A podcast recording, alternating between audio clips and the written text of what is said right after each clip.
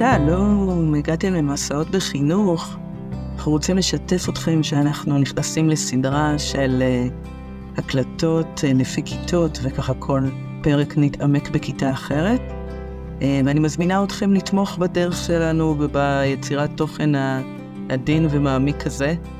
אתם יכולים להגיע לאתר שלנו, יש לנו פה גם מאמרים שאלון כתב לאדם עולם, וגם ככה עוד חשיבה על עבודה בכיתה. וגם uh, יש שם אפשרות לתמוך בנו דרך כל מיני uh, ערוצים, uh, כמו כובע וירטואלי כזה שאפשר להניח בו איך שנראה לכם לנכון לתמוך בדרך שאנחנו יוצרים יחד. תודה רבה לכם שאתם מאזינים וכותבים לנו, ושתהיה לכם האזנה נעימה וטובה.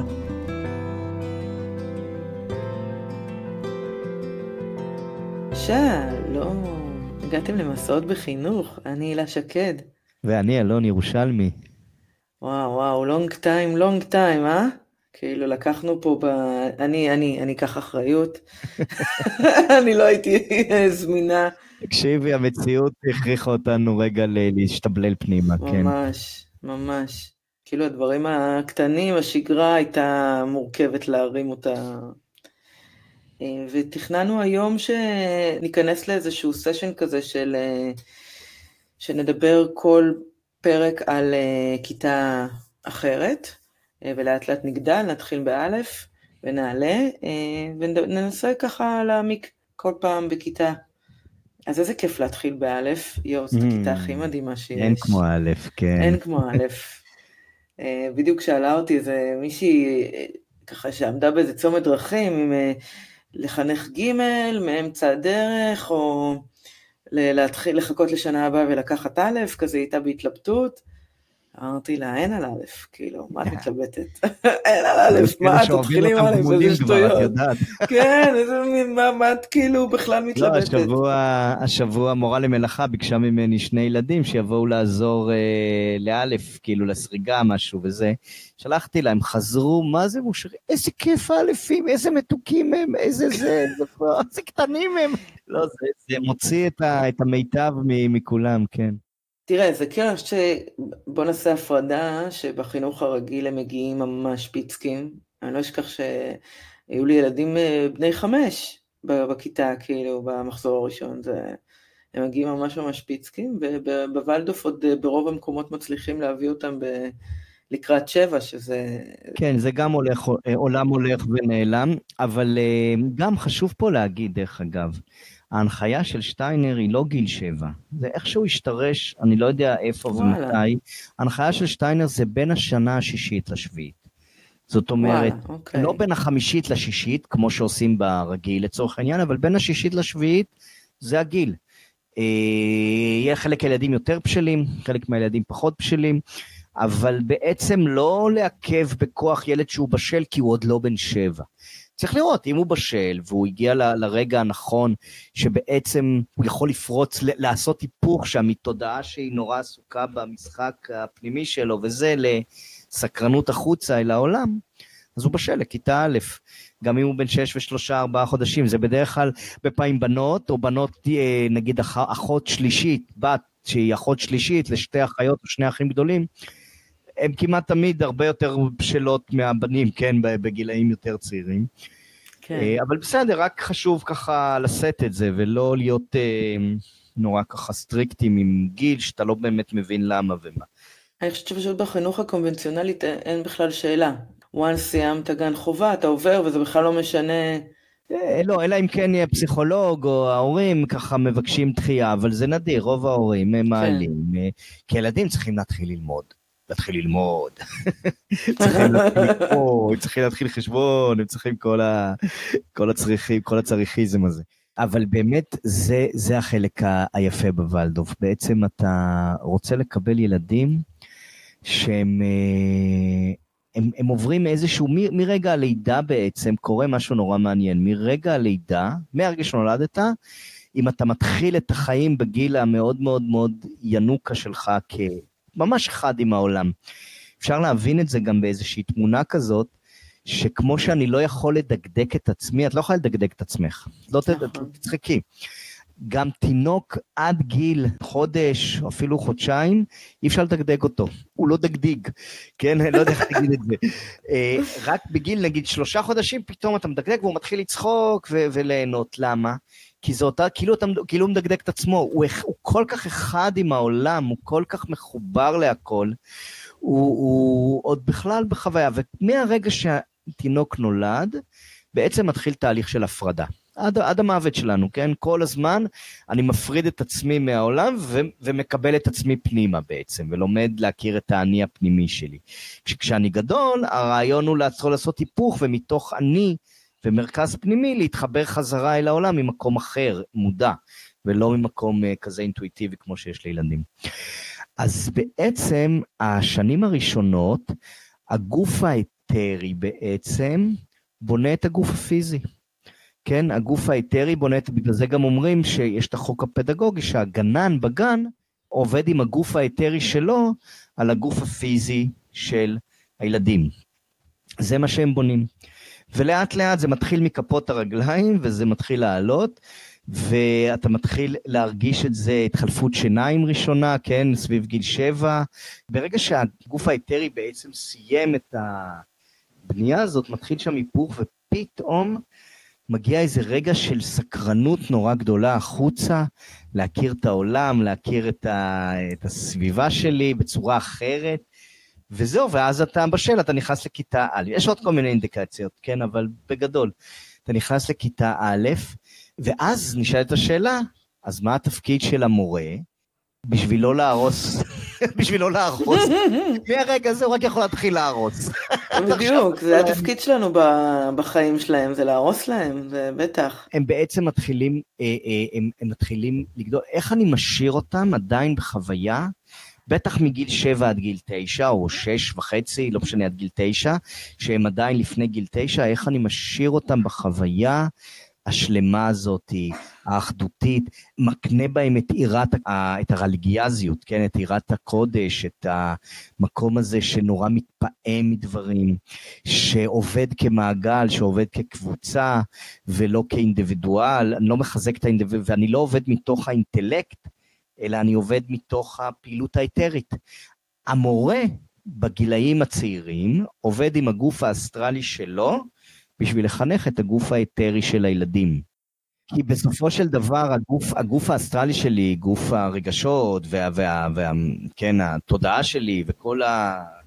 כל הבליל הזה של, של אם אני לא שומר רגע שם על מרכז ברור, על תודעה בהירה, על הבנה שילד הוא בעצם איזושהי ישות קוסמית, שהתפקיד שלי בעצם לעזור לו להתגשם בעולם ולנשום נכון עם העולם, ואני עושה את זה דרך זה שהגוף האתרי שלו בגיל שבע ומעלה, אני בונה לו את, בעצם את הגוף האתרי שישב נוח בתוך הגוף, אוקיי? ואם אני האסטרלי שלי כמורה לא יציב, ואני כועס הרבה, ואני זז הרבה, ואני מדבר בטונים לא מותאמים, ואני, כל דבר מפעיל אותי, הרי מה זה מפעיל אותי? זה גוף אסטרלי שמופעל, כן. אז אני בעצם לא מאפשר לגוף האתרי להיות בנינוחות. ואז הילדים מגיבים לזה גם בעצבנות, אבל זה לא עצבנות אסטרלית, זה עצבנות אתרית, זה הרבה יותר גרוע, הם, הם בתזזית כל הזמן. וזה חודר עמוק לתוך, ה, לתוך העצמות שלהם, אפשר להגיד. ואז אני כמורה, כועס עליהם כי הם נורא תזזותיים, אבל אני לא מבין שבעצם אני חייב לעשות את העבודה הפנימית שלי. אז אני עם הגוף האסטרלי שלי מחנך. עכשיו, מה זה לחנך את הגוף האתרי שלהם? זה הרגלים. הרגלים, אבל זה לא הרגלים סתם. אני אמרתי שעכשיו מוציאים מחברת, אז עכשיו מוציאים מחברת. זה לא הרגל, זה סתם uh, טמטום. הרגל חייב להיות עם תודעה ועם התכוונות, אוקיי? אז אני זורם מדבר לדבר, וה, והדברים קורים כאילו מעצמם, אבל אם אני, אני הצלחתי להגיע אצלי בכיתה, לא, לא זאת, כאילו זאת כבר נכנסתי אליה בדלת, זה כבר מאוחר, אבל נגיד בכיתות הקודמות, אני לא אומר מילה. אני עושה שתי לקישות בקסילופון, הרבה מורים עושים את זה דרך אגב, אני לא איזה ייחודי בזה, ואתה רואה את זה, זה עובד. שתי נקישות בקסילופון, וה, והילדים יודעים לאן להזיז את הכיסאות ואת השולחנות כדי לפתוח מעגל. אה, אני עושה שתי אה, אה, כאלה עם אצבע צרדה כזאתי, והם מסתדרים במעגל. אני מתחיל את הדקלום באיזה משהו, והם מיד מצטרפים אליי, כן? הם כאילו נישאים על איזה שהם גוף הרגלים כזה, שהוא כאילו מחוצה להם, אבל הוא לגמרי חי בתוכם. ונוצרים הרגלים של תנועה, של דיבור, של טון, של הקשבה, של, של, של התנהלות במרחב. המשימה הכי גדולה שלי כמחנך באלף, זה שבסוף השנה הם יעמדו במעגל. עגול. Mm-hmm. הם עובדים הרי במעגל, אבל לא עגול. הם, זה קשה עד שאתה מגיע, בלי שאני מעצב אותם מבחוץ. שהם כן. יחוו את הזה והם יצליחו לעמוד בצורה אה, עגולה, לדקלם, לשיר, לנוע ביחד כ, כאיזשהו אורגן שלם, בעצם ליצור גוף כיתה. בריא, אתרי, לא אינטלקטואלי, שלא עובד מתוך, מתוך מחשבה, אלא עובד מתוך ההרגל. כמו שעושים בחשבון, וכן מדקלמים את לוח הכפל, את הטורים, 2, 4, 6, 8, הם לא חושבים על זה.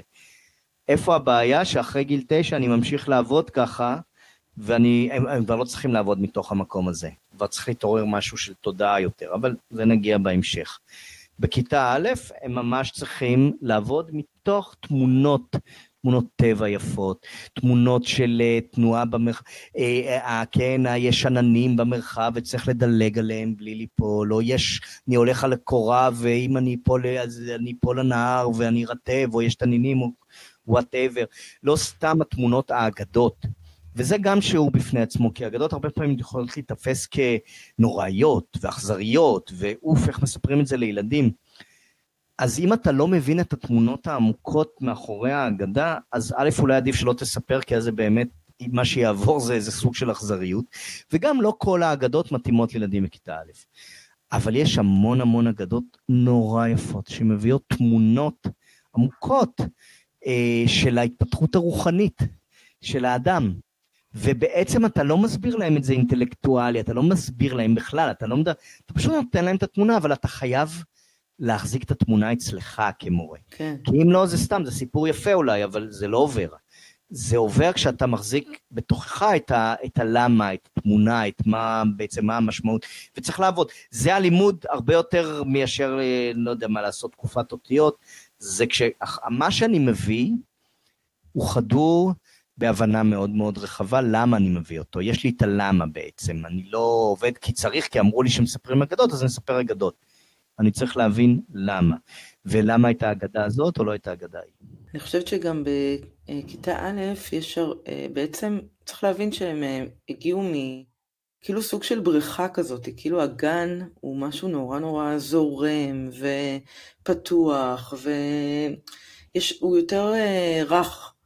הם יכולים לשבת בשולחן הזה או בשולחן הזה, או במשחק הזה או במשחק הזה, והם יכולים להיות קצת בחוץ וקצת בפנים, וכאילו יש להם איזה מין תנועה כזאת כמו גלים, ובעצם אה, בכניסה לבית ספר פתאום אה, כאילו הקירות נבנים.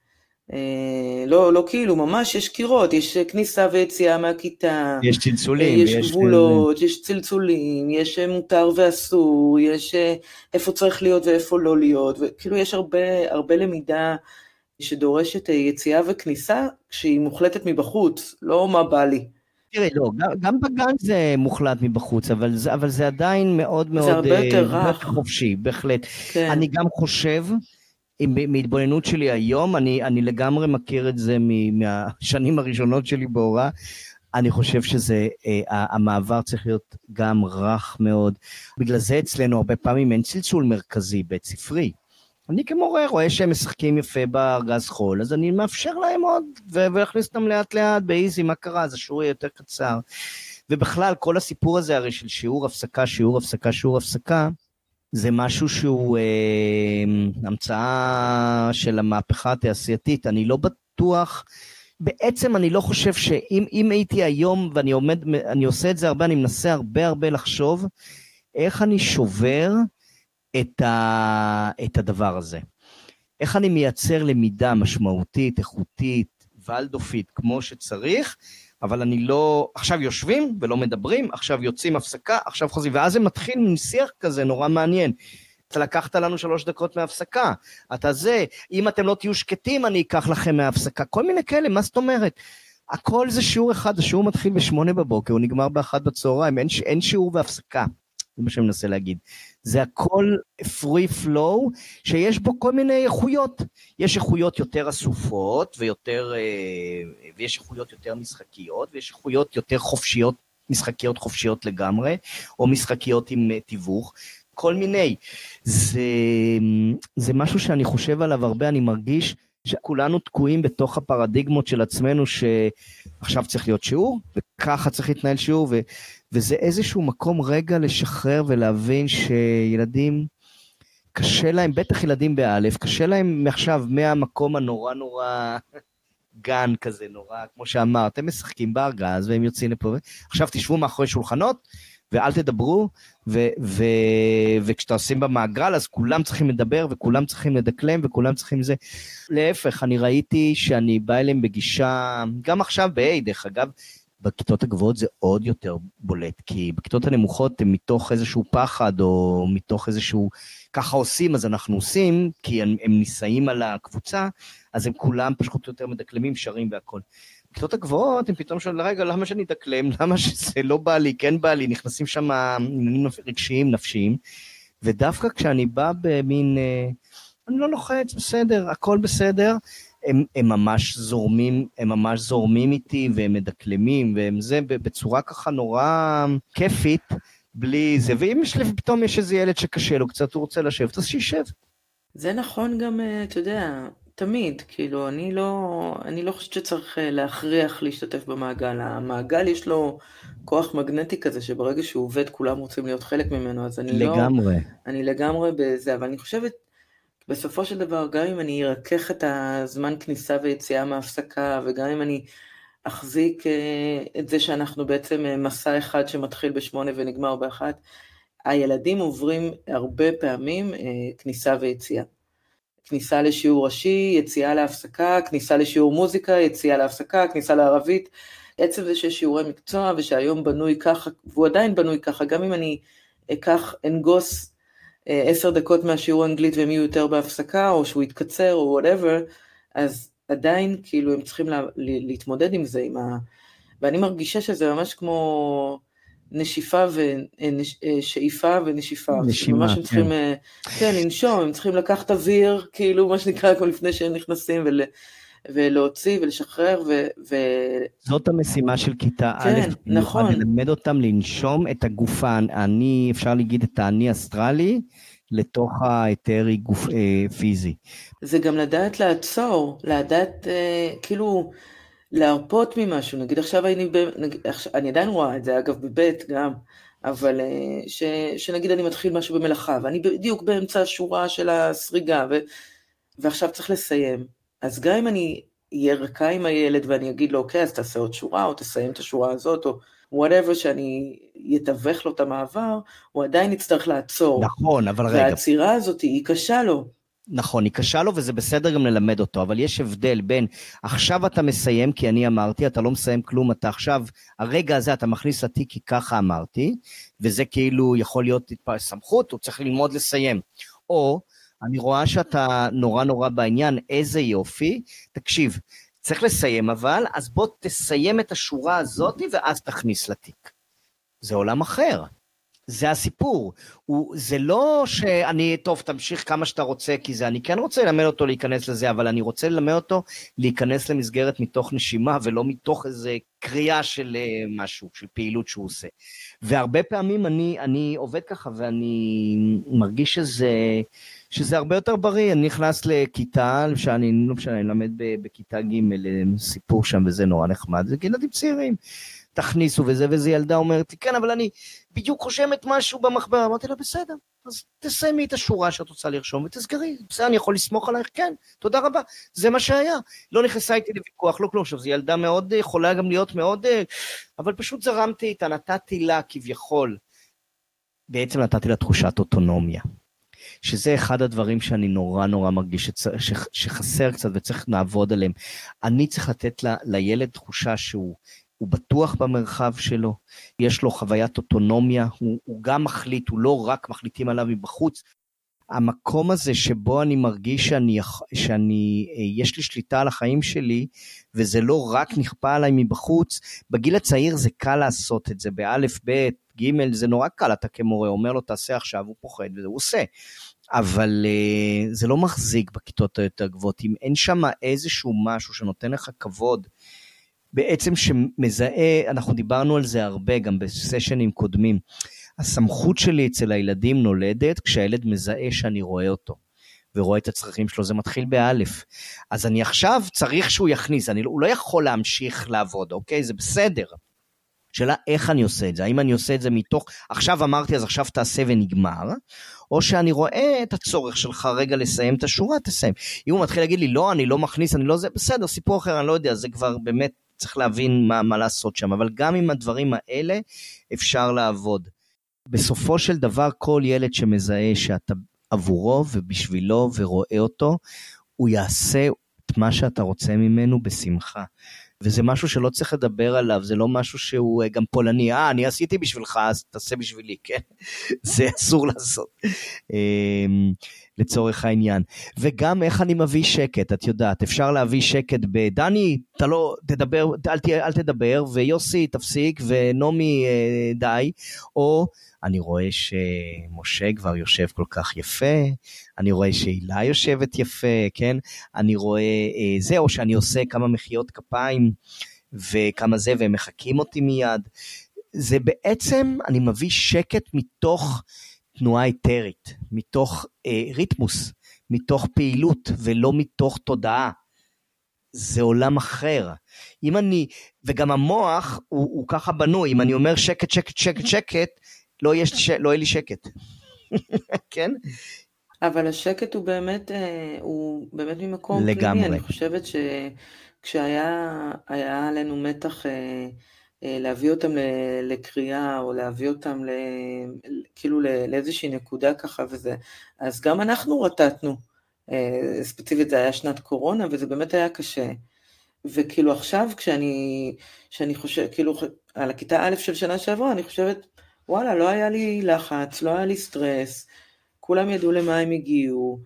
אה, כל מה שהיה חשוב זה שלילדים יהיה טוב, ושהם יהיו אה, בשמחה ובסקרנות, וברגע שהייתה הלימה בין, בין איך שאני עובדת לאיך שההורים אה, שרשמו לבית ספר רואים את המשמעות של החינוך, אז, אז יכלתי גם להביא שקט, וכשמשרד החינוך לוחץ את המקום הזה של הקריאה הכתיבה בכיתה א', זה נורא קשה. אה, את צודקת, זה נכון, אבל בסופו של דבר עדיין, אה, בסוף, בסוף, בסוף, זה, זה תלוי בנו פנימה, כמה אנחנו מתרגשים מזה.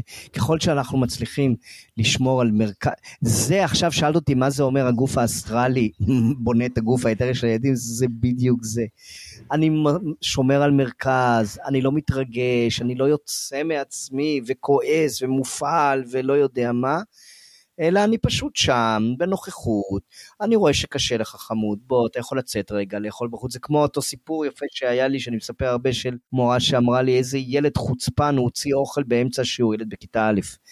אמרתי לה, אבל הוא לא חוצפן, הוא, הוא רעב. כן? זה, זה, זה בדיוק המקומות האלה של מה מפעיל אותך ולמה ואיך אתה מפרש את המציאות. כן, אפשר לפרש את הוא לא מקשיב לי, אני אמרתי עכשיו יש שיעור הוציא אוכל, איזה חוצפן. ואפשר להגיד, אני, אבל הוא ילד בן שבע, והוא לא מחובר עד הסוף ל, ל, ל, ל, לתהליכים האלה, והוא רעב, אז הוא הוציא אוכל. אז מה שנשאר לי לעשות זה להגיד לו, אתה חייב חמוד, אז תקשיב, בוא תצא רגע, תאכל כמה ביסים, ותחזור לכיתה. והכל בסדר. לא קרה כלום. גם אם אני נורא, יש משהו נורא נורא חשוב עכשיו, אני לא רוצה שהוא יפסיד, גם כן אפשר לחשוב, נורא חשוב, כן? אז אני, אז אני יכול להגיד לו, אני רואה שאתה נורא, קודם כל לתת לו אמפתיה, לראות אותו. אני מבין שהוצאת כי אתה נורא רעב, אבל תקשיב, עכשיו יש משהו נורא נורא חשוב, בוא תהיה איתי ככה חמש דקות, ואחרי זה אני אתן לך זמן. בסדר? גם אפשרות, אבל, אבל בעצם ראית אותו, ולא התחלת לנבוח עליו, איך אתה מעז להוציא לי אוכל עכשיו באמצע שיעור, אתה חוצפן.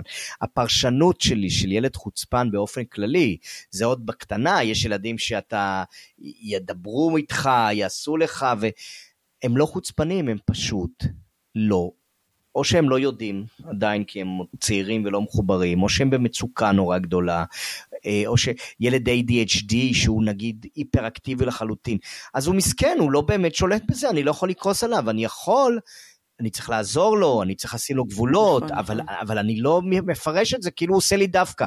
הוא מחרב לי את השיעור, הוא לא מחרב לי שום דבר, הוא הוא, הוא, הוא פשוט מה שהוא. אתה יודע, לילדים האלה, לפעמים אה, אומרים המערכת הרגילה לא, לא מתאימה להם, ושמים אותם בכל מיני מערכות לא קונבנציונליות. לצורך העניין, כן? עדיין לא קונבנציונליות. ובוולדוף לפחות, אני מרגישה שיש, שזאת מערכת נורא קשה עבורם. תלוי במורה. מלא דרישות, הם צריכים להיות במלא, כאילו במגוון של אה, התמודדויות, גם לעמוד במעגל, גם לקפוץ בחבל, גם uh, לעבוד במחברת, גם uh, לעבור בין שיעורים אנגלית, ערבית, uh, מלאכה, מוזיקה, כאילו זה דברים שבחינוך הרגיל אולי פחות דורש. לגמרי, הרבה יותר קל לשבת. מאחורי שולחן, לראות uh, מסך מחשב, ועוזר לך הרבה יותר להתרכז. אבל בגלל זה, אנחנו לא יכולים, אנחנו חייבים להבין, אם אני רואה שזאת המצוקה של הילד, הוא באמת ADHD, הוא לא שולט בזה, אז אני בודק עם עצמי איך אני מקל עליו את המעברים, איך אני מייצר לו אותם יותר זורמים, איך אני אומר לו, תקשיב, אתה יכול עכשיו. יש שיעור אה, מלאכה, אבל אתה, לך תעשה עוד איזה שני סיבובים, תוציא מרץ, תחזור, אני כאילו תומך אותו בתוך הסיפור הזה. יש סימנים, טוב, א', לא יודע, זה, זה tricky נורא, אבל אפשר גם לעשות סימן של ילד שהוא כאילו נורא קשה לו, אז שיצא רגע ויעשה סיבוב ויחזור, או... העיקר הוא לא לתת לו הרגשה שהוא לא בסדר. שם מתחיל החטא הקדמון, הילדים סוחבים את זה, ילדים בני שבע, שאתה נותן להם הרגשה שהם לא בסדר, הם יסחבו את זה כל החיים שלהם, הם תמיד ירצו לרצות, ויהיה להם קשה לרצות, והם יהיו מסכנים כי הם לא מבינים למה לא אוהבים אותם, או למה הם תמיד צריכים לעשות ולבקש, להתחנן בעצם לאיזה יחס טוב, אבל משהו תמיד שם נדפק להם וכועסים עליהם.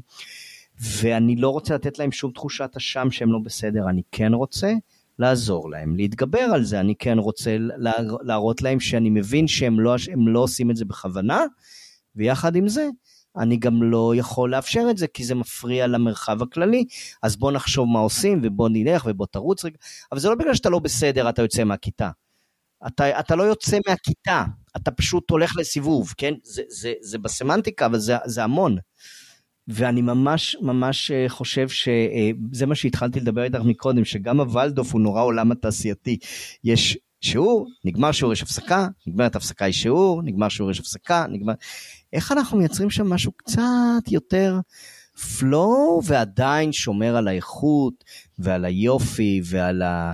ובלי לחץ ובלי אה, זה, בטח באלף, הרי כל הסיפור של א' זה לייצר הרגלים, זה לייצר מעגל, זה לייצר גוף כיתה, זה לייצר אה, יכולת אה, התמצאות במרחב ככה פחות או יותר, ו- ו- ובתוך זה ללמוד את האותיות וללמוד קצת את הטורים וכל מיני וחשבון ו- ובקטנה מה שנקרא.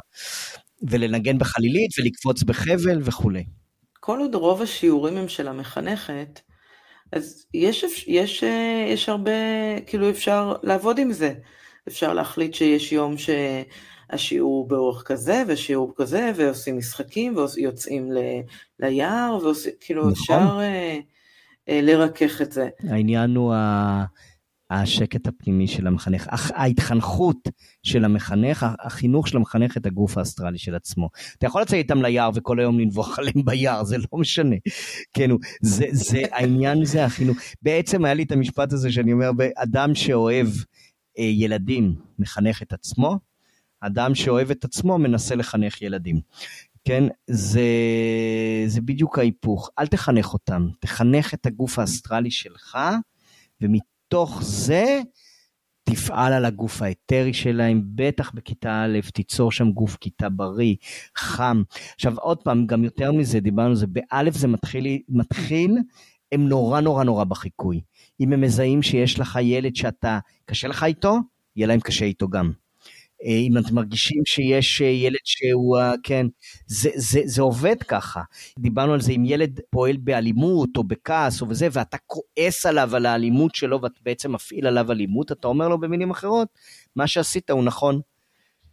כי הנה, כמו שאתה פעלת באלימות על החבר, אני פועל באלימות עליך. ככה, ככה מפסיקים, ככה מפסיקים את מי שמעצבן אותי באלימות. ובעצם זה נורא לא מודע, בגלל שהם באלף. אם הם בתיכון סיפור אחר, אם הם באלף זה חודר להם לתוך האתרי, זה קצת כמו כדימוי, קחי שק קמח, תטביעי את כף היד שלך על שק הקמח ותרימי את היד, יישאר טביעת היד שלך. עמוק, וזה מה שאנחנו עושים לילדים, אנחנו כהורים לילדים צעירים ואנחנו כמורים לילדים צעירים.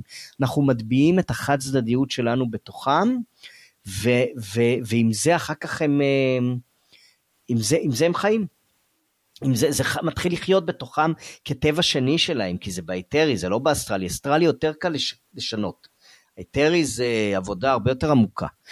אה, אז לכן אני חייב לחנך את עצמי, לחנך את עצמי, כי יש לי השפעה זה אפילו, אני חושב, אולי גם בחינוך הרגיל יש כזאת השפעה, אבל אני חושב שבוולדוף ההשפעה של המחנך היא מאוד מאוד משמעותית.